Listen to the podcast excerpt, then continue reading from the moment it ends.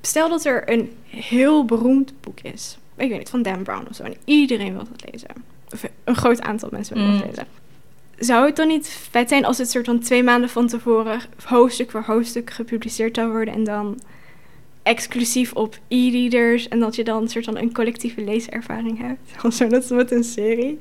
Ik weet niet. Ja, Zoiets nou, klinkt eigenlijk wel als een goed idee inderdaad. Ik denk wel, want dat is natuurlijk iets waar wij heel erg mee worstelen met de concurrentie van Netflix. Dat je, ik merk zelfs onder mijn eigen vrienden die, die altijd graag lazen, eh, dat die toch ja, best wel makkelijk s'avonds toch even Netflix opzetten in plaats van een boek openslaan. En dat heeft ook te maken met onze eh, concentratiespanningsboog. Dat je gewoon, ja, je wil even snel eh, in een uurtje wil je even iets kunnen zien wat een soort van climax heeft. En dan houdt het weer op. En dan of je wil doorgaan of je wil gaan Ja. slapen, zeg maar. En met een boek moet je dat veel meer zelf bepalen. Je moet op een gegeven moment denken, hm, ja, oké, hoofdstuk is klaar, nu ga ik slapen.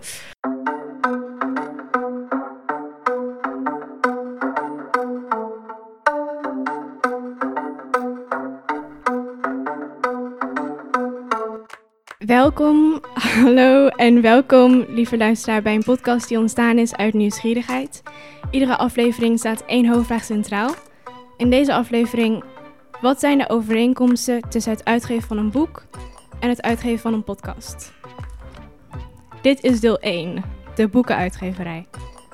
Tegenover mij zit Romy van den Nieuwenhof, hoofd marketing en sales bij Prometheus. Heel hartelijk welkom, Romy. Dankjewel. Romy, ik, ik ben blij dat je er bent, want ik ben op een missie. Nee, ik ben, nee, ik ben op een kweeste. Mhm. En ik denk dat ik veel van je kan leren en dat je me kunt helpen. Ik hoop het. En ik misschien ook wel van jou. Ehm, ik zal je heel kort de origin story van de kweeste vertellen. Nou, het begon een aantal maanden terug. Ik denk in het voorjaar. En ik, eh, ik las een Medium post. En ehm, het ging over wat podcasters kunnen leren van de boekenindustrie. En het ging eigenlijk, eh, het, het maakte een soort van het argument dat, dat een boek een betere analogie is voor een podcast dan bijvoorbeeld tv of film zijn. En sindsdien ben ik soort van daarover aan het nadenken. En het waren iets van vijf redenen. En sommige waren overtuigender dan andere. Maar in mijn hoofd ben ik ook van, wat zijn er meer redenen? En, maar ik weet zelf niet zo superveel over wat een uitgeverij precies doet. Wat een boekuitgeverij precies doet. En ik, eh, ik hoop dat meer te begrijpen. Als jij mensen vertelt dat je bij een uitgeverij werkt, krijg je dan het idee dat ze een goed beeld hebben van wat jij doet? Nee. Ehm, eh, omdat, eh, nou ja, klanten die een boek kopen zien natuurlijk alleen het boek in de winkel liggen. En je denkt dan vooral, oké, er is een auteur die heeft een visie gehad, heeft dat opgeschreven. Ja. En een drukker heeft dat in een jasje gestopt. Ja. En daar zitten natuurlijk nog, eh, nou ja, weet ik veel hoeveel eh, fases tussen. Waar ik eh, er één van ben. Ehm, maar de meeste mensen zien die fases daartussen niet echt als. eh, ehm, ja, pas als je uitlegt wat die fases zijn, dan denken ze: Oh ja, tuurlijk, ja, nee, dit moet ook nog gebeuren en dat Ja. moet nog gebeuren. Dus nee, ik denk dat veel mensen er niet echt een beeld van hebben. Ik, ik denk ik zelf ook niet. Maar daarom zijn we hier. Ehm, wanneer wordt, want jij bent dus de hoofd van de marketing en sales afdeling. Ja. Wanneer wordt jouw afdeling betrokken in het maakproces van een boek? Ehm, nou ja, als, als we een auteur hebben die met een nieuw boek komt, eh, dan eh, kan het zijn dat ik daar niet zoveel mee te maken heb tot het moment dat wij het moeten gaan aanbieden aan de boekhandel. Mhm. Eh, we hebben drie momenten per jaar, beurzen en folders. En dat is de manier waarop we aan de boekhandel laten weten, dit zijn onze nieuwe titels en dit komt eraan. Eh, op het moment dat het in die folders komt, is het natuurlijk wel van belang dat wij ons bemoeien met hoe ziet het omslag eruit, wat voor flaptekst komt erop, hoe presenteren we deze auteur, willen we eh, laten zien hoeveel we hebben verkocht van het vorige boek, willen we de mooie recensies laten zien. Mhm. Dat is alvast het eerste beeld wat je aan de buitenwereld toont van een nieuw boek dat eraan komt. Dat is eigenlijk onze eh, belangrijkste taak, denk ik. En zodra het boek er is, moeten wij nog zorgen dat, er, eh, dat het voldoende in de boekhandel blijft liggen. En wij doen dan ook de marketing. Mhm. Dus nieuwsbrieven en Facebook en al dat soort dingen. Maar het is ook wel, eh, zodra een boek geacquireerd wordt... We hebben natuurlijk auteurs in ons fonds die gewoon soms met een nieuw boek komen. Nou ja, dat is dan zo. En daar kan je als eh marketeer niet zoveel meer aan doen. En als verkoper moet je het gewoon verkopen. Maar er zijn ook wel momenten dat nieuwe boeken geacquireerd worden... Uh, dus dan gaat het van, hé, hey, er is een bieding van een Amerikaans boek en het is een mega bestseller daar. Moeten we dit doen of niet? En dan wordt ook wel onze hulp ingeschakeld, omdat wij natuurlijk veel contact hebben met de boekhandel en omdat we veel contact hebben met de markt die het uiteindelijk moet gaan kopen. En dan moeten wij ons advies geven van, nou, gaat dit iets worden? Gaat dit lukken? Gaan de boekhandels dit willen? Uh, of uh, wordt het helemaal niks en kunnen we er maar beter niet te veel tijd in steken? Ja. En hoe maken jullie zo'n inschatting? Ja, dat is natuurlijk altijd een beetje een uh, gut feeling ook wel. Uh, wij komen natuurlijk heel veel, uh, ik en, en, mijn collega's komen veel in de boekhandel. Dus we zien daar wel een beetje wat ligt er goed, wat leggen ze vooraan, wat leggen ze achteraan. We praten veel met die inkopers. je hebt inkopers van de grote ketens zoals ACO, Bruna. Uh, die hebben best wel goed zicht op wat verkoopt in hun winkels. Dus die kun je mhm. nog raadplegen van... hé, hey, uh, we hebben een boek over, uh, nou ja, een psychologisch boek... beetje zelfhulp. Is dit iets waar mensen nog op zitten te wachten of niet? Mm Nou ja, dan kunnen zij zeggen ja of nee. En dan moet je nog nadenken... oké, kunnen we er een betaalbaar boek van maken? Of wordt het een te groot verschil met, met het Engelse boek? Weet je, als daar 10 euro prijsverschil in zit... dan moeten we het eigenlijk al niet doen... want dan wordt het gewoon te veel concurrentie. Mhm. Dus dat zijn allemaal dingen die je meeneemt in die overweging of je, of je het wel of niet gaat doen. Hoe wordt de prijs van een boek bepaald? Ik, dat, ik neem aan dat dat in jouw afdeling gebeurt. Ja, zeker, zeker. Nee, uh, zodra een boek af is... Uh, nou ja, er, er, wordt altijd wel op voorhand een calculatie gemaakt. Uh, zeker bij grote projecten waar veel vertaald wordt... of waar veel afbeeldingen inkomen waarvan je weet... oké, hier zitten best wel wat kosten in het boek. Dan maken we wel een voorcalculatie... of dat we wel genoeg omzet kunnen behalen op zo'n boek... Um, en als dat niet zo is, moeten we ergens subsidie vandaan halen. Dat doen we mm. bijvoorbeeld bij uh, literatuurwetenschap, uh, boeken, dat soort dingen. Ja. Gaan we dan bij fondsen aankloppen van... hé, hey, we willen dit graag doen voor dit publiek, maar we hebben wat geld nodig. Maar het idee is over het algemeen wel dat we onze eigen broek ophouden met, uh, met de boeken die we maken. Dus um, dan, ja, op het moment dat het af is en naar de drukker moet, krijg ik een calculatie... Daar zit dan alles ingestopt, dus vertaalkosten, zetkosten, uh, omslagontwerp, uh, royalty voor de auteur, uh, cb-kosten voor inslag, uitslag naar de boekhandel. Dat proberen we daar allemaal in mee te nemen, zodat je een beetje een indicatie hebt van, nou, hoeveel moeten we er maken, hoeveel houden we er dan aan over. um, en dat, daar kun je dan een beetje mee spelen van, oké, wat gebeurt er dan als we een verkoopprijs van 20 euro, van 25 euro...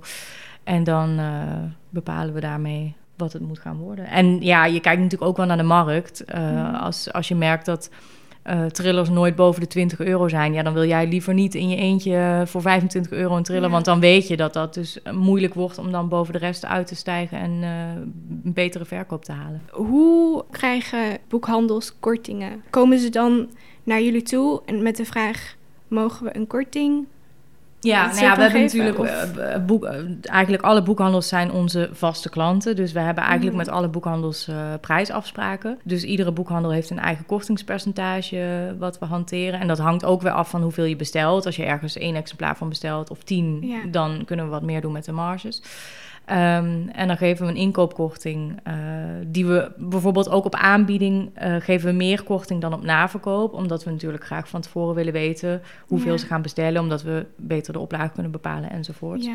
Dus dat zijn eigenlijk allerlei afspraken die op voorhand al vast liggen. Mm -hmm. um, en ja, op basis daarvan kunnen zij zelf bestellen of ze bestellen bij ons. En dan uh, ja. is dat hun winstmarge, zeg maar. En houdt de wet van vaste boekenprijs dan in gewoon dat jullie de prijs bepalen? Of wat, wat houdt dat in? Ja, op het moment dat bij ons een boek verschijnt, uh, dan moeten we het aanmelden bij het commissariaat voor de media. Uh -huh. Dus dan geven we alles door, ISBN en de titel en de auteur enzovoort enzovoort. Uh, en de prijs die het gaat worden. En dat is de prijs waar alle verkooppunten in Nederland, of het nou een boekhandel is of een uh, kruidenier of een maakt niet uit, die moeten allemaal die prijs hanteren ja. om te zorgen dat zij niet elkaar oneerlijk kunnen beconcurreren. Ja. Want uh, wat je dan zou kunnen krijgen, dat zie je bijvoorbeeld in Amerika veel, uh, waar de wet op de vastboekprijs niet geldt. Uh, dan kun, kan Amazon kan het goedkoper aanbieden dan een boekhandel. Want Amazon heeft geen uh, bakstenen winkel, uh, hebben allerlei andere kosten, hebben meer omzet. Dus die kunnen veel makkelijker een boek dan goedkoper aanbieden. En dan gaan mensen het automatisch online kopen. En dat is wat de regering in Nederland heeft besloten, dat ze dat niet willen stimuleren. Ja. om de boekhandels en alle andere winkels een eerlijke kans te geven. Ja, dus met bol.com hebben jullie bijvoorbeeld ook dezelfde afspraken als met een normale boekhandel. Ja, ja. En nou ja, dit is wel ik begreep het niet helemaal. Van ik hoorde laatst ehm, dat Dasmag uitgeverij, ik weet een, een aantal jaren terug, een conflict had met bol.com. Mhm. En dat dat te maken had met kortingen die ze eisten of iets in die, iets in die richting. Ja. Mm, wat voor, ja, hoe zeg je dat in het Nederland? Leverage heeft bol.com dan? Van op het moment dat, jij, als zij naar jou toe komen en ze vragen om een korting en jij zegt als uitgeverij nee. Wat, nou ja, dan kunnen ze dus zeggen, dan? eh, dan, eh, als jij daar niet mee akkoord gaat, dan bieden we jouw boek niet aan op ons platform. Hmm. En dan ben je als uitgever wel een hele grote markt kwijt. Want er zijn best wel veel mensen die tegenwoordig alleen nog maar boeken online kopen. Dus dat is een lastige overweging. En eh, eh, ja, je wil niet te veel inleveren op je eigen omzet, dat snap ik. Maar eh, als je daar uiteindelijk de helft van je potentiële publiek mee weghaalt... of nou ja, ik weet niet hoeveel het bij hun is, maar Ja. ja, dat is toch wel zonde. Ja. Ehm, ja, het zou me leuk lijken om een soort van na te denken over, over wat we kunnen leren van het uitgeven van boeken voor het uitgeven van podcasts. Ja, zit, je, zit jij ook in jouw afdeling eh, op de marketing van e-books en audiobooks? Ja, Ja? zeker. En hoe gaat dat dan precies? Nou, wij doen er nog niet zo heel veel mee, moet ik bekennen. Eh, niet omdat we niet willen, maar omdat de verdienmodellen nog niet zo heel erg goed zijn. En dat Hmm. geldt denk ik voor podcasts ook. eh, dat het behoorlijk veel, nou ja, als ik zie hoe jij hier je spullen zelf hebt geïnvesteerd en je eigen tijd investeert. Nou ja, bij ons is er natuurlijk ook nog een auteur die het Ja. ten eerste moet willen. Ja. Eh, en als ze het dan willen, ehm, moeten ze er natuurlijk ook een percentage van meekrijgen. Dus daar zijn we wat aan kwijt. Dan moeten opnamekosten worden gemaakt. Die zijn best wel flink als je dat professioneel laat doen. Eh, dus, en voordat je er dan iets aan verdient, moet je er al zoveel van eh, Ja. ja. verhuren, om het zo maar te zeggen, of verkopen. Heb je het dan over podcasts of audiobooks? Ja, bij podcasts vind ik, vind ik het verdienmodel al helemaal lastig. Omdat dat, eh, Ja. tenminste, alle podcasts die ik luister, heb ik nog nooit iets voor betaald. Terwijl ik dat misschien best zou willen, maar de, die optie Ja. is er vaak nauwelijks. Ja, ja. En bij audioboeken heb je de grootste speler daar is Storytel. Dat is een abonnementsdienst waar je onbeperkt hun eh, assortiment kan luisteren. Eh, wij zijn allemaal enorm fan. En eh, het, het is zeker voor de nieuwe generatie fantastisch dat je tijdens het fietsen of het stofzuigen of weet ik veel een boek kan lezen, om het zo maar te zeggen. Ja. Dus in onze multitaskende generatie is het echt een ideale oplossing om nog meer boeken te kunnen lezen. Ja. Ehm, maar goed, dan betaal je dus, ik geloof, 10 euro per maand. En dat bedrag wordt dus verdeeld onder alle uitgevers. En wat je daar dus onderaan de streep aan overhoudt, is gewoon best wel weinig aan de uitgeverskant. Ehm, Dus ja, en aangezien de investering gewoon best wel groot is, eh, is dat nog lastig. V- weten wij niet zo goed eh, of dat we nu helemaal los moeten gaan en al onze boeken moeten laten inspreken. Ja. Er zijn uitgevers die dat doen, eh, omdat ze denken van nou, die, hier ligt de toekomst van het boekenvak. Mhm. En wij zijn daar wat voorzichtiger in, denk ik. Zitten jullie in Storytel?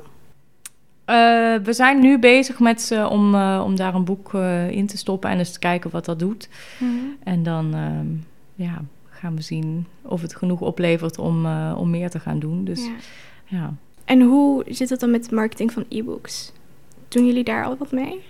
Ja, en het, het ehm, fijne, om het zo maar te zeggen, van e-boeken is dat daar de wet op de vaste boekenprijs nog niet voor geldt. Is dat het Eh, fijne? Dat is voor ons handig als je, ja, als je marketing wil doen. Eh, bedoel, als je kijkt naar eh, marketing die een Albert Heijn doet, dan is het toch vaak 1 plus 1 gratis, 30% korting. Op die fiets, ja. Dat, dat zijn wel dingen die het makkelijker maken. Want dan heb je echt een aanleiding om te kunnen zeggen: je moet dit nu kopen, want het is nu een prijsactie. Dus dat is Hmm. ehm, wat we veel doen als we marketing doen met e-boeken. Dat zijn ook samenwerkingen die we doen met, eh, eh, met ketens.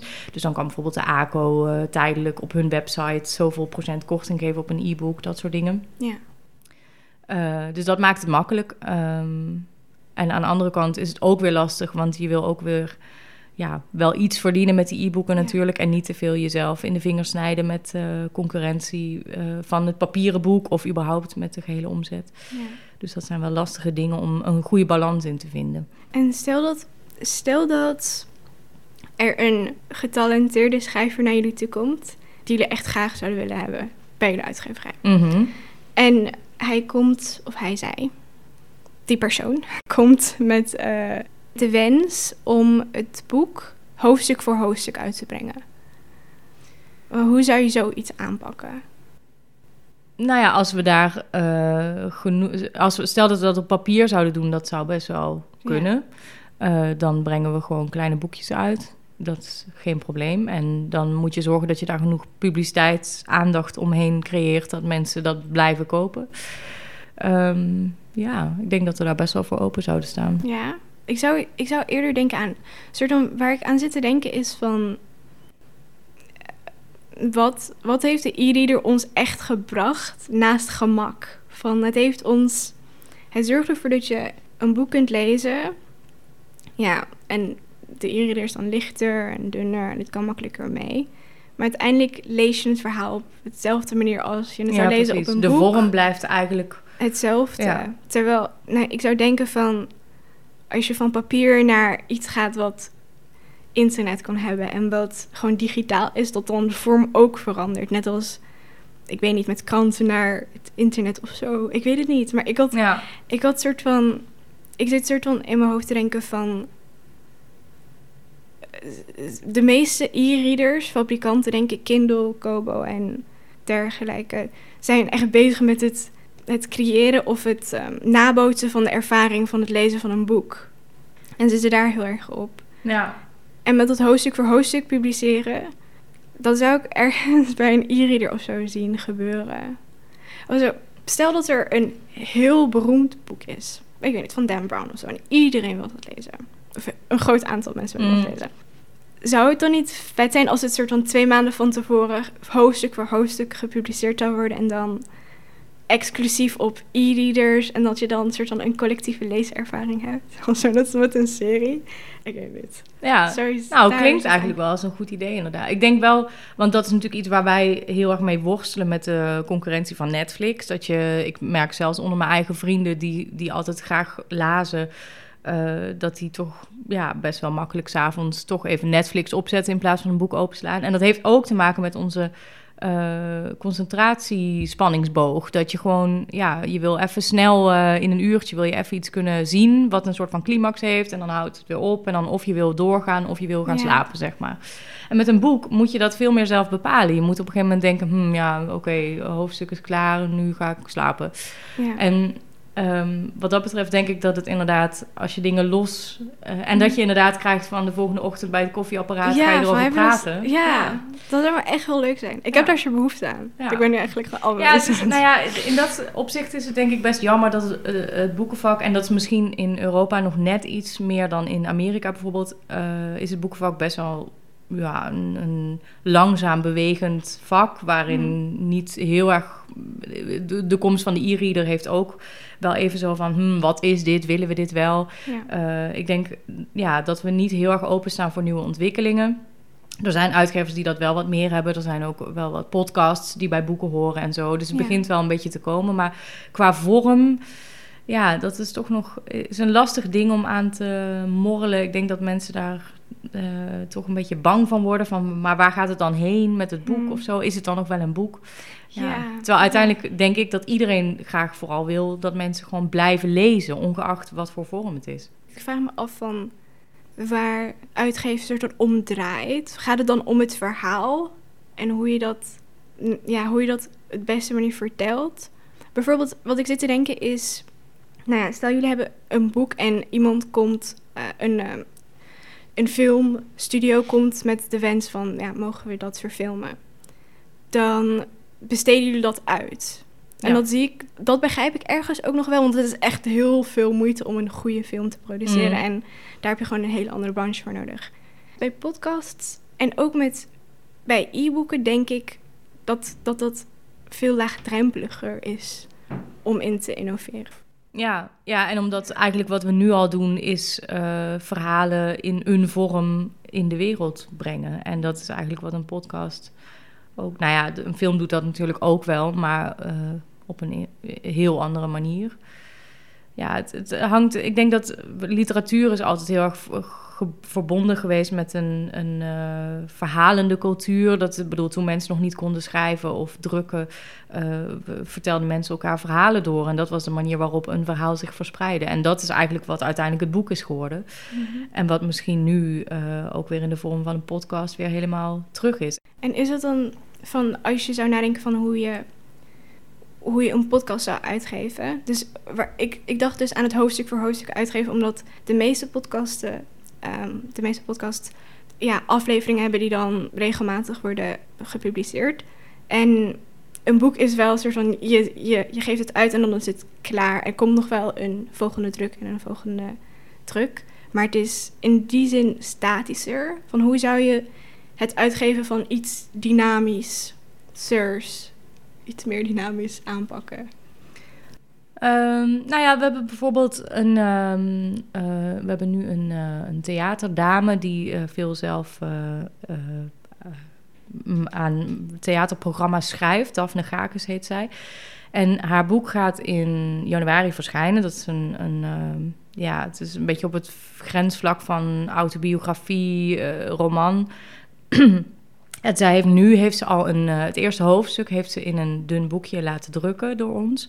En dat deelt ze uit, eh, of ze verkoopt het bij haar try-outs en bij haar optredens. En eh, dan mogen mensen mogen dan alvast het eerste hoofdstuk lezen. En achterin zit een pagina waar ze een aantal vragen stelt.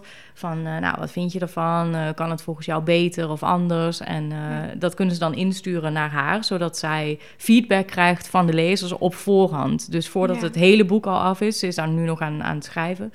En eh, dan kan ze die opmerkingen van haar publiek meenemen om te kijken of het goed aansluit bij de doelgroep die ze uiteindelijk wil bereiken. Dus dat is denk ik wel een leuke, vernieuwende manier om dynamisch eh, en, en goed aansluitend op de doelgroep een boek te brengen. Ja, ja. En ik zou, ik zou denken dat dat met e-readers nog makkelijker zou zijn om dat te doen. Want de ja, drukkosten zijn dan gewoon niet aanwezig. Dus ik, ik kan me voorstellen dat het met bij haar dan wel een soort van een investering is om dat eerste hoofdstuk te printen in boekformaat en daarna nog een heel boek te printen. Maar ik zou denken een soort van ja, ik weet het niet. Ik zit gewoon echt met iedere soort van te denken van ik weet niet, ik ben gewoon teleurgesteld.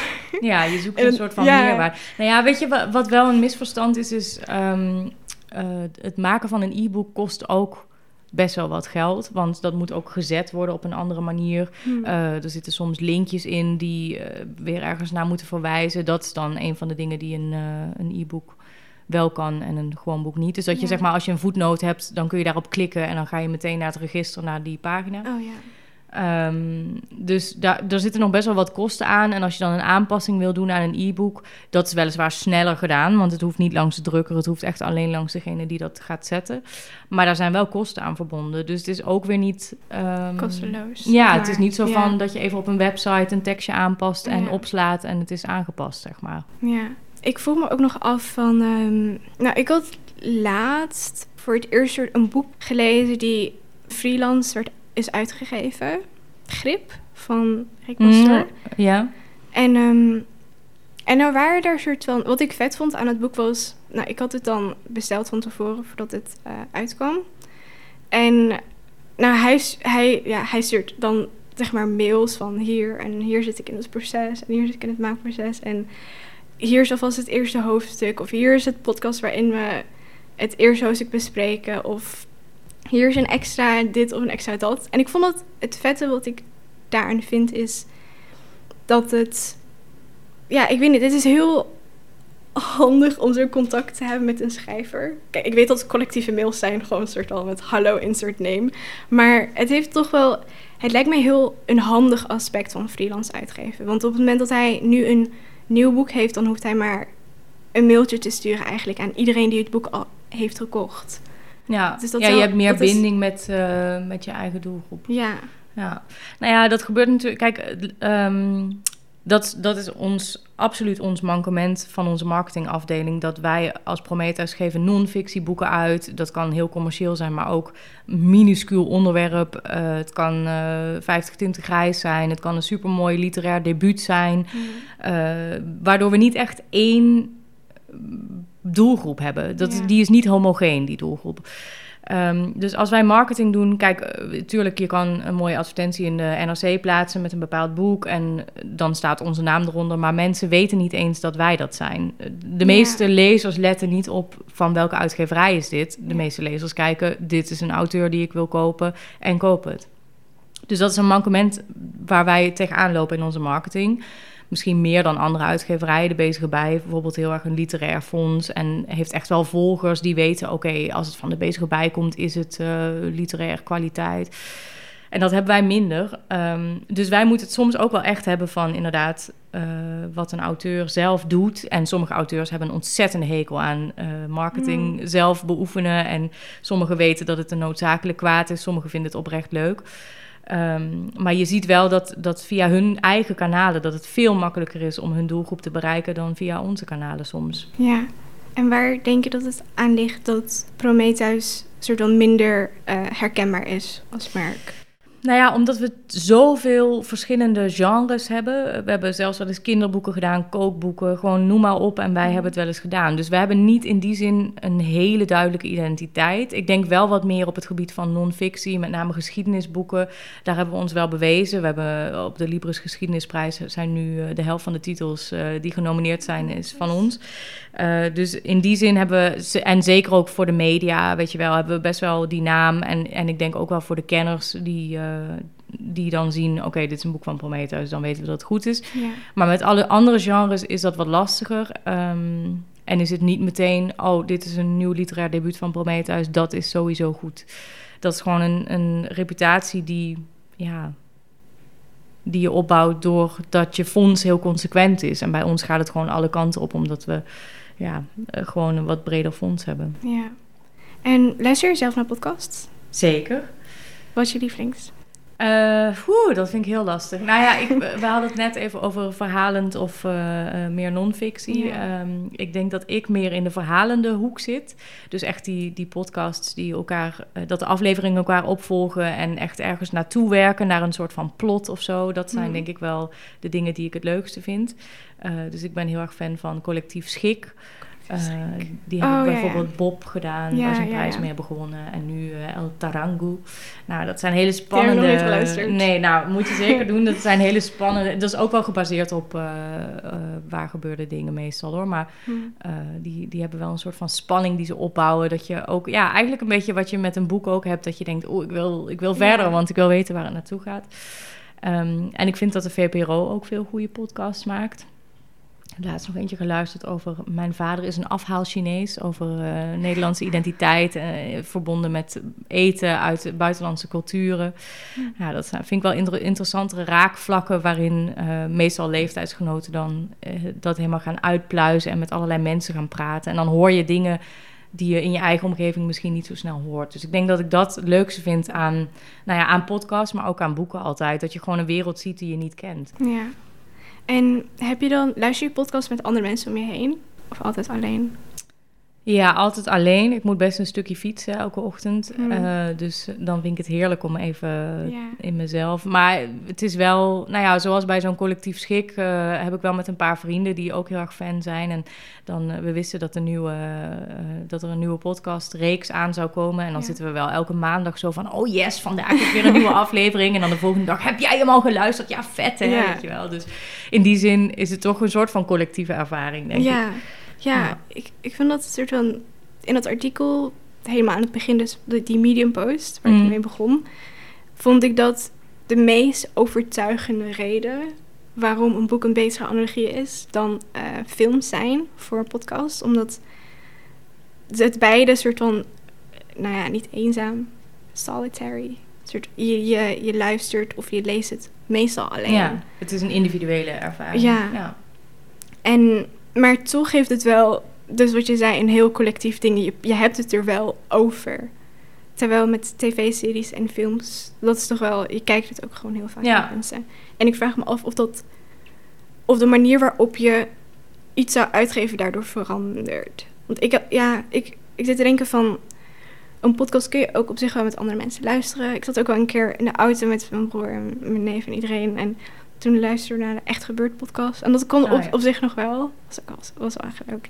Maar ik, ik vraag me af van, zou er iets veranderen? Daardoor? Ja, dat het Of- meer een collectieve belevenis wordt of zo.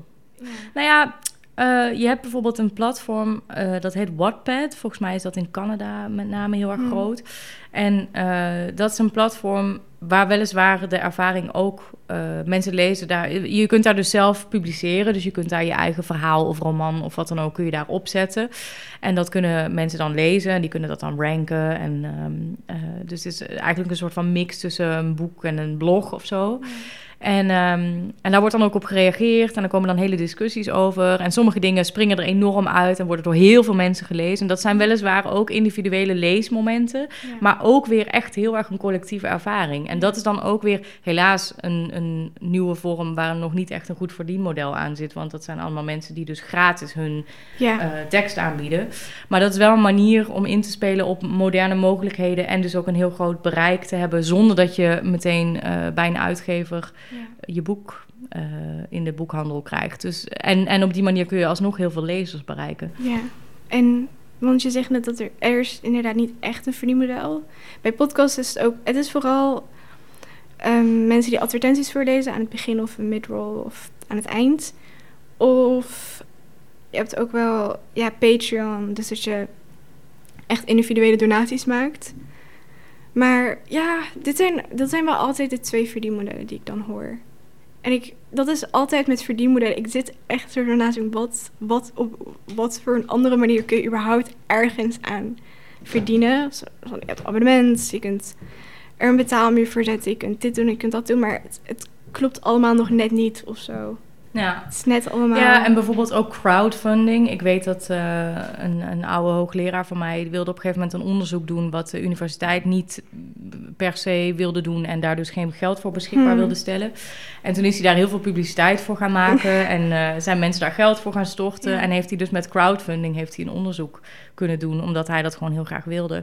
En toen dacht ik ook wel, ja, dat zou eigenlijk met um, een boek ook best wel kunnen natuurlijk. Maar op de een of andere manier zit dat gewoon ook nog niet echt in het systeem. Want crowdfunding is natuurlijk ook een vorm van inspelen op wat de markt wil. Ik bedoel, yeah. als, als heel veel mensen dan geld gaan storten, dan weet je, oké, okay, blijkbaar is hier behoefte aan. En als niemand iets stort, dan weet je, nou, dan moet het misschien sowieso maar niet doen. Hmm. Um, en dat, dat is een verdienmodel dat er nog niet echt in zit bij uitgevers. Denk. Nou ja, uitgeverij Das Mag is dus tot stand gekomen door middel van crowdfunding. Ja. Dus in die zin um, komt het wel een beetje, maar het is, zit er gewoon nog niet echt uh, uh, heel erg in om dat op die ja. manier te doen. Maar zou je dan zien bijvoorbeeld dat, dat ja, je hebt dat met heel veel met gadgets en techn, ja, met gadgets en ja, dat soort dingen hebben dat wel heel veel met crowdfunding. Maar zou je dat bij boeken zien? Ik, ik weet het niet. Het ja, waarom eigenlijk ja, niet? ja, we doen het niet, maar waarom eigenlijk niet? Ik bedoel, als, je, um, als ik nadenk... Ik, ik kijk soms YouTube-video's van mensen die content maken die mij aanspreekt. Mm -hmm. Daar hoef ik in principe niet voor te betalen. Maar op het moment dat ze aan mij vragen... wil je elke maand via Patreon uh, 2 euro per video betalen... Nou, als ik het echt heel leuk vind, dan doe ik dat. Ja. En ik denk dat dat ook een beetje de nieuwe manier van consumeren is. Dat mensen misschien minder snel, tenminste als ik denk aan onze generatie. Ja, ik zit enorm in een bubbel met mensen die drie boeken per maand kopen. Maar er zijn genoeg mensen die echt alleen willen wat zij echt willen. En daar alleen willen uitgeven wat zij willen. Ja. Nou, dan is misschien crowdfunding wel echt een vorm om heel erg in te spelen op de behoeftes van de markt. En um, wat zijn jouw irritaties? bij podcasts. Want bijvoorbeeld met Patreon en ik zit met podcast heel erg van ergens, ergens wil ik dat het gebundeld wordt, dat, dat het op één plek is, dat het makkelijker is om donaties te doen, om structureel bedragen te geven en niet allemaal los en gefragmenteerd. Maar aan de andere kant is bundeling ook weer eng, want dan, dan, dan, gaan, dan dat trekt alle luisteraars naar één platform en dan kan dat platform alles dicteren. Mm.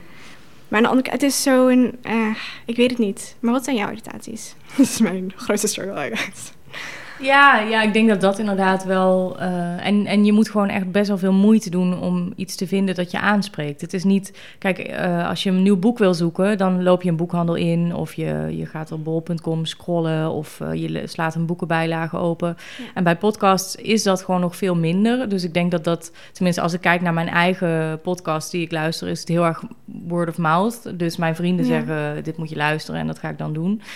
Dus de, ja, je moet er meer moeite voor doen, denk ik, om een podcast te vinden die, die uh, aanspreekt. En Eh, maar goed, dat is misschien ook mijn belevingswereld. Want eh, Hm. jij zei voordat we hiermee begonnen... dat je juist heel moeilijk vindt om boeken te vinden die jou aanspreken. Ja, dus dat is misschien klopt. ook net in welke bubbel je verkeert... en, en wat voor media je tot je neemt of zo. Maar eh, in ieder geval, als ik kijk naar, naar het aanbod, zeg maar... het is makkelijker om een boekhandel binnen te lopen... en die boeken vast te kunnen pakken en de flaptekst te kunnen lezen... dan dat je in zo'n appje zit te scrollen en denkt... ja, eh, klinkt leuk, maar is het wat? Eh, dat is toch ja, hoogdrempeliger, denk ik. Ja, heb je dat met boekhandels minder? Een soort van... Ik heb, ik heb soms met boekhandels ook echt... Ik weet niet waar ik moet kijken. Alle kaften zijn even kleurrijk. Ik, ik, ik weet soort van... Met non-fictieboeken heb ik wel een soort van... Oké, die auteur en die auteur en die auteur. Maar met fictieboeken... pff, ik zou niet weten waar ik moet beginnen. Ja. Echt niet. ja, ik snap dat. Ik heb Nederlands gestudeerd, dus ik heb eh, heel mijn studie lang heel veel gelezen over uitgevers, over auteurs. Dus Ja. ik wist heel goed hoe het Nederlandse eh, literaire veld in elkaar zat. En toen was ik afgestudeerd en dacht ik, nou, dan wordt het misschien toch eens tijd dat ik me ook wat meer ga verbreden. Dat ik ook eens een keer een mooi Duits boek lees of een mooi Engels boek. En toen merkte ik heel erg dat ik ook dacht, ja, pff, eh, maar waar moet ik dan beginnen? Oké, ik ken de klassiekers, maar wil ik die per se lezen? Misschien wil ik ook wat nieuwe literatuur. Maar ja, is dit een goede uitgeverij? Is dit een goede auteur? Is eh, geen idee. Dus ik snap wel, ja, dat, dat het soms... Er is zoveel aanbod en dat geldt voor boeken, dat geldt voor podcasts, geldt voor Netflix-series. Dat het gewoon Ja. soms best wel... Dat is ook een beetje een mankement van onze tijd, denk ik. Dat er gewoon zoveel aanbod is. Ja. Ja, vind maar eens je eigen persoonlijke smaak in al dat aanbod. Maar dus zou je dan denken dat het... Bijvoorbeeld dat jij je kunt vinden in een boekhandel... Denk je dat het komt omdat je de auteurs kent... of door de manier waarop het de boekhandel is ingericht? Of omdat daar medewerkers zijn? Of... Ja, ja het, het helpt wel als, eh, als mensen je persoonlijk advies geven. Dat je een beetje kunt zeggen, nou, ik lees graag dit en dat. Wat raad je me aan? Dat helpt natuurlijk. Ehm, ik ga ook wel altijd heel erg af op mijn gevoel of een omslag me aanspreekt of niet. En dan kijk ik op de flaptekst. Ja. Eh, Spreekt dit me nog steeds aan? Soms blader ik er even doorheen, lees ik een paar dialogen en dan ja, kies je ervoor om het wel of niet te doen. Ehm, ja. En hoe... Gebruik je Goodreads? ja, Vind je dat fijner? Of vind je aanbevelingen van Goodreads fijner dan die van een medewerker in een boekhandel? Ja, het probleem met Goodreads is dat het eh, in Nederland nog niet zo heel erg eh, veel wordt gebruikt. Je hebt hier een platform dat heet Hebban, dat wordt veel gebruikt. Maar dat Hmm. zijn veel lezers die echt eh, thrillers en romantische fictie en zo... allerlei genres die ik niet per se heel erg graag wil lezen. Dus eh, ik gebruik Goodreads eigenlijk vooral om gewoon bij te houden wat ik zelf lees en wat ik wil lezen, maar niet echt voor de aanbevelingen, denk ik. Maar ik kan me voorstellen dat dat in Amerika en Engeland wel meer een ding is, omdat daar echt, ja, ik weet dat uitgeverijen het daar ook echt gebruiken in hun marketingstrategie, maar dat is Hmm. hier helaas nog niet echt Hmm. aan de orde. En waar komt dat er? Dat is nog niet aan de orde. Is Het is volgens mij een Amerikaans platform, dus dat zal in Oh, ieder geval helpen. Ehm, De boeken zijn wel te vinden meestal. ja, ja, klopt. Nee, zeker. Ehm, ja. Is het soort van dat de lezers daar niet... Ik zou niet weten, want ik, ik ben wel bij Goodreads, maar... Ik, ik merk wel dat als je een Nederlands boek hebt, dat daar echt niet echt reviews onder staan. Nee, precies. Nee, ja, gek genoeg gebeurt dat waar- bijvoorbeeld dan meer, meer bij eh bol.com. Als je naar de productpagina van een Hmm. boek gaat en dan eh, op bol.com vind je daar dan wel Ja. meer recensies dan op Goodreads. Dus ja, het zit gewoon niet echt in ons systeem blijkbaar om, om het te Hmm. gebruiken. Misschien, ja. Zou het uitmaken of je... Zou je recensie liever in Goodreads willen of in bol.com? Maakt het uit voor jou? Nou ja, kijk, als je op bol.com eh 4,5 ster gemiddeld hebt, ja, dan kom je wel hoger in die zoekresultaten. Je staat hoger op de pagina's. Ja. En je zit dichter op de aankoop. Dus qua marketing. Ja, is weet je, bij Goodreads, als je daar iets ziet. Ik geloof als je in Amerika zit, kun je wel meteen doorschakelen naar Amazon, dacht ja, ik. ja. Maar dat is voor de Nederlandse markt ook niet echt het geval. Dus dan moet je eerst je Goodreads afsluiten en dan moet je het nog weer gaan zoeken. Dus eh, op bol.com zit je wel dichter bij het vuur, denk ik. Dus dat is eigenlijk gewoon fijner. Ja, ja maar dat, dat is ook wel iets wat je in de boekhandel ook veel ziet hoor. Ik eh, heb op een gegeven moment eh, een boekhandelaar waar ik goed contact mee had, waar ik een beetje van wist wat hij graag las, had ik een boek toegestuurd. Ik zei: Dit is volgens mij echt iets voor jou. Nou, het was een boek dat over de gehele markt niet heel veel deed. En hij had het gelezen en hij mailde mij terug: Oh, ik vind het fantastisch, doe er maar twintig. Nou, een klein boekhandeltje in Amsterdam, dus eh 20 is best veel. En een week later mailt hij mij: Ja, ik heb het vooraan in de winkel gelegd, ze zijn allemaal al op. Dus zo zie je dat uiteindelijk is een persoonlijke aanbeveling van iemand uh, die blijkbaar die autoriteit heeft, dat hij er verstand van heeft, kan zoveel meer doen dan uh, dat je het in een krant leest of ergens tegenkomt of wat dan ook. Dus ja. toch ook die persoonlijke interactie die, die dan wel echt ja, van belang kan zijn. Ja, en dat is ook zo met, ja, dan zit ik te denken aan mensen die dan freelance boeken uitgeven, dat dat, dat het ook wat doet ook al is het een geautomatiseerd mailtje van die schrijver, dat het nog steeds leuk is om te lezen. Ja, van waar, ja, dat waar je die is meer in het binding proces. met, uh, met die persoon. Ja. ja. En is, ja, zou je dat, zou je dat bij een, bijvoorbeeld bij Prometheus zelf, van hoe... Ik weet niet, ik, ik zit te denken van, zou je dat niet bij een normale uitgeverij kunnen doen? Of is het echt dat die schrijvers daar echt geen zin in hebben? Of, dat ik, of is, is het omdat het niet nodig is? Bij een Ja, uitgever ik denk en wel dat- het outsourcen. Met name met zo'n boek als, als Grip, inderdaad. Dat zijn wel auteurs die heel erg op die online marketing ook zitten. En die daar misschien bewuster mee bezig zijn hoe ze dat neer willen zetten. En wij hebben veel auteurs die, die toch wel bij ons komen omdat wij de expertise hebben om de boekhandel te bereiken, om de consument te bereiken, om goede publiciteit te genereren. En dat is dan eh, je communicatiemiddel met de koper uiteindelijk. Ja. Als één na laatste vraag. Ehm, als één na laatste vraag. Van waar hebben jullie discussies over intern in de uitgeverij? Want je, je had het erover dat, dat, er, dat er dus nog niet heel veel verandert in het boekenvak. Hebben jullie dan nog intern discussies over waar de uitgeverij heen zou moeten gaan? Of is dat wel ongeveer duidelijk? Nou ja, ik denk dat je nooit echt een, zeker in deze tijd, kan je echt geen vijfjarenplan meer maken met een soort van strategie. Want ontwikkelingen gaan zo snel. Wie had vijf jaar geleden kunnen denken dat podcasts en audioboeken zo groot zouden worden als ze nu zijn? En, en wie weet, wordt het nog veel groter of houdt het opeens op omdat er iets anders voor in de plaats komt? Mm. Eh, nou ja, in mijn jeugd had ik ook niet kunnen bedenken dat mensen boeken van een schermpje lezen. Sterker nog, ik werd tijdens mijn studie ooit gevraagd: eh, ga jij ooit eh, boeken op een e-reader lezen? En toen heb ik gezegd: nee, vreselijk. Ik studeer Nederlands. Ik ga echt eh, alleen maar papieren boeken lezen. Ja, en nu heb ik er toch een gekocht. Dus Hmm. ik denk dat, dat het heel moeilijk is om, om zo lang vooruit te kunnen denken. Maar je moet natuurlijk wel een beetje nadenken: oké, wat zijn de ontwikkelingen? Kunnen we in sommige opzichten eh, vooruitstrevend zijn? Dat is dan vooral met eh, dat je op het juiste moment een soort boek moet aanbieden waar blijkbaar op dat moment vraag naar is. Nou ja, dat is best lastig. We hebben toen met, met 5020 Grijs hebben we dus heel erg iets aangeraakt. Een soort snaar in de maatschappij waar heel erg behoefte aan was. Dat mensen dat massaal zijn gaan lezen. Ja, dat weet je niet altijd van tevoren. Dus sommige dingen zijn geluk, sommige dingen zijn ook wel gewoon goed onderzoek doen naar de markt. Kijken wat, wat speelt er zich af, goed rondvragen. Kijken wat er in de boekhandel goed ligt of wat niet. Wat, wat zijn hiaten misschien in het aanbod? Zijn er dingen die echt uniek zijn? Dat is natuurlijk wat je het allerliefste wil. In plaats van het zoveelste romantische boek wat weer lijkt op dat andere boek. Dus dat is denk ik, als je nadenkt over je strategie, is dat een beetje eh, eh, wat factoren zijn die daar een rol in spelen. Ja. En wat is de belangrijkste les die je hebt geleerd? Want je werkt, je werkt hier drie jaar. Ja. nu? Ehm, nou, de belangrijkste les is denk ik dat voor elk boek wel een markt is, hoe eh, groot of klein dat die ook kan zijn. Hmm. Maar dat je gewoon de juiste eh, wegen moet zoeken om die mensen te kunnen vinden. En ehm, ja, dat het, dat het ook gewoon een creatief proces is waar je niet altijd eh, zelf heel veel invloed op kan uitoefenen. Dus ja, soms is een boek briljant en dan gaat het sowieso wel lopen. En dan moet je dat alleen maar proberen te versterken als uitgeverij zijnde. Ehm, ja, dat zijn denk ik wel belangrijke dingen. Ja, ik zei net dat het de één laatste vraag was, maar ik heb nu weer Ik heb nog een, nog een één na één na laatste vraag. Van hoe werven jullie schrijvers? Van, zeg maar, van het totale aanbod. Je, je had gezegd volgens mij dat jullie twee, 200 Ja, we zitten op jaar? ongeveer 200 boeken per jaar. Dat is dus over alle genres verdeeld. Dus soms hebben we wat meer non-fictie dan fictie of Ja. andersom.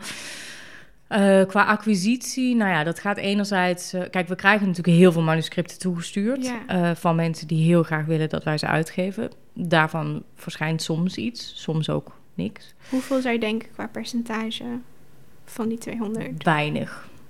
Heel weinig. weinig? Onder de 10? Ja, het, het gaat niet langs mijn afdeling, dus ik weet het niet. Ah, maar ik denk wel onder de 10 ja. Hmm. ja. En ehm, ja, het is vooral dus zelf eh, literaire tijdschriften bijhouden, kranten bijhouden, wat journalisten schrijven, eh, maar ook in het buitenland bijhouden wat er allemaal verschijnt. Daar zijn ook scouts voor die dat eh, voor Hmm. ons doen. Dus die bijhouden wat er bij allerlei uitgeverijen verschijnt en of dat past bij ons fonds. Eh, veel naar eh, literaire avonden gaan en mensen horen spreken. En bij schrijfwedstrijden kijken wie er gewonnen heeft. Of dat misschien Hmm. potentie is voor een debutant. Of, eh, ja, het is, het is goed zoeken. En soms heb je midden in de roos en soms ook niet. Maar het is wat dat betreft gewoon veel uitproberen. Als aller, allerlaatste vraag. Dus ik heb geen intern kompas als het aankomt op fictieboeken. Noem maar zoveel als je kunt in... Nou ja, in hoeveel minuten je wilt. Noem maar zoveel als je kunt. Ehm, nou, als ik jou zo hoor wat jouw achtergrond is en jouw interesses, dan denk ik dat jij Margaret Atwood heel goed zou vinden. Dat Hmm, is, van de. Ja, ja ik kijk die serie. Kijk, ja. heel veel mensen hebben de serie gezien. Ja. Het boek is fantastisch. Hmm. Alle boeken van Margaret Atwood zijn fantastisch. Eh, heel erg dystopisch, heel actueel. Terwijl Verhaal van de Dienstmaagd is eigenlijk al een heel oud boek uit de jaren negentig, geloof ik. Wat nu weer helemaal populair is doordat Trump eh, president is. Dat vind ik ook iets wat heel interessant is aan het boekenvak. Dat, Ja. dat je toch gewoon een, een ontwikkeling hebt in de maatschappij... waar mensen dan weer iets door gaan lezen. ja. En er komt een nieuw... eh, het vervolg van Verhaal op de Dienstmaagd komt in het najaar. Dus alles boek? van Margaret Atwood Als moet je boek lezen. komt het vervolg Ja. als boek. Oké. Ja, dus alles van Margaret Atwood moet je zeker lezen. Ehm, ja, als je ja, ik lees zelf heel graag fictie. Ehm, we hebben eh, heel veel mooie debutanten uit allerlei hoeken. We hebben een, een Georgische debutant die eraan komt in het najaar. Ehm, we hebben... We, nou ja, als je het hebt over eh, boeken die misschien een iets andere vorm hebben dan, dan dat je gewend bent. Franka Treur heeft afgelopen jaar, eh, die schreef een feuilleton voor de krant. Dus dat is een, een nou, eigenlijk een beetje waar jij het net over had, een verhaal dat in delen verschijnt.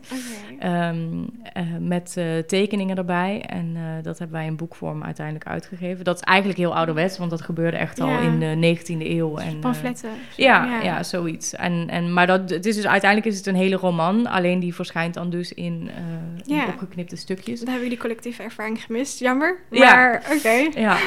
Ehm, nou ja, dus dat is een heel bijzonder boekje geworden. En ehm, ja, dat zijn wel mooie tips, denk ik. Dankjewel. Heel erg bedankt. Geen dank. En ehm, lieve luisteraar, ook bedankt voor het luisteren. En graag tot de volgende aflevering. Doeg doeg.